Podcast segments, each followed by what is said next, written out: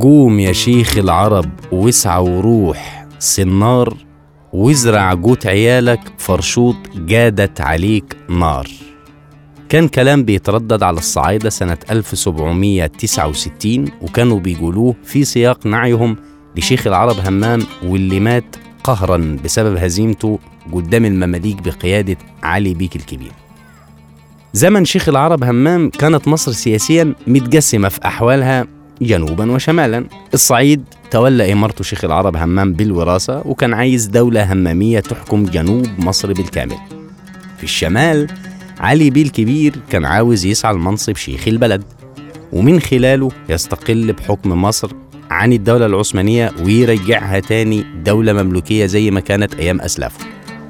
الاتنين كان ليهم آباء روحيين يعني شيخ العرب همام كان مقتدي بسيرة الأمير حصن الدين بن ثعلب قدوة بصفته قائد ثورة 1253 ضد المماليك واللي انتهت باستقلال الصعيد سياسيا مع بقاء التبعية للمماليك في الضرائب. وصار تاريخه فيما بعد أيقونة لكل الناس.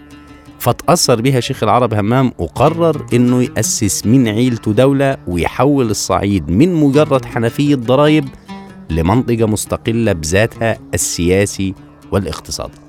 علي بيه الكبير كان متأثر بشخصية قنصوة الغوري وطومنباي اللي اتقتلوا على يد سليم الأول في سوريا والريدانية في العباسية دلوقتي يعني وخلصت دولة المماليك على يدهم بعد ما أسسها سيف الدين قطز. العنصر المشترك بين الاتنين سواء كان شيخ العرب همام ولا علي بيه الكبير حاجتين اتنين الكره والخيانة. الصعايدة كان ليهم أصل وبيتباهوا بيه وبيكرهوا المماليك بسبب إن المماليك ملهمش أصل.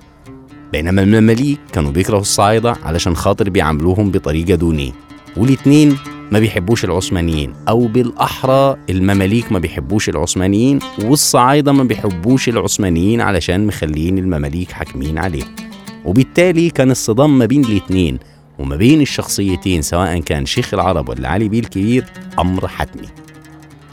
العنصر التاني اللي بيجمع ما بين الاتنين الخيانة. زي ما شيخ العرب همام اتخان من ابن عمه اسماعيل وهي قصة حقيقية مش زي ما المسلسل بيقولوا بس. برضه علي بيه الكبير اتخان من أقرب معاونيه وهو محمد بيك أبو الدهب.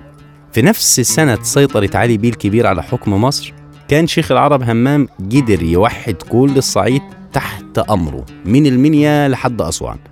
شكل قوة عسكرية كبيرة جدا من الهوارة والمماليك اللي هزمهم علي بيه الكبير لحد ما حصد الصدام المتوقع ما بين الصعايدة وما بين علي بيه الكبير سنة 1769 في أسيوط. خلص الصدام بهزيمة ساحقة لشيخ العرب همام بسبب خيانة ابن عمه الشيخ أبو عبد الله إسماعيل ومات شيخ العرب همام حزينا في 7 ديسمبر سنة 1769 مأساة شيخ العرب همام ما انتهتش بموته. العيلة بتاعت شيخ العرب همام شافت أصعب من اللي شافه شيخ العرب همام نفسه. هو ساب ثلاث ولاد درويش شاهين عبد الكريم. درويش حكم أسيوط لكنه بيجي جبار وممشيش بنفس نظام أبوه فالناس كرهته. خاصة بعد ما علي الكبير هو اللي عزله. وبعد كده قرر إن هو ينفيه من الصعيد ووداه على القاهرة وهناك مات. أما شاهين وعبد الكريم فاشتغلوا فلاحين في أرض تبع الوقف لحد ما جات نهايتهم فكان شاهين مات مقتول على يد مراد بيه زمن الحملة الفرنسي أما عبد الكريم فمات فقيرا. وفضلت مأساة الهمامية بعد ما مات أولاد شيخ العرب همام مستمرة لحد أما تجددت سيرتهم بمسلسل الفنان يحيى الفخراني.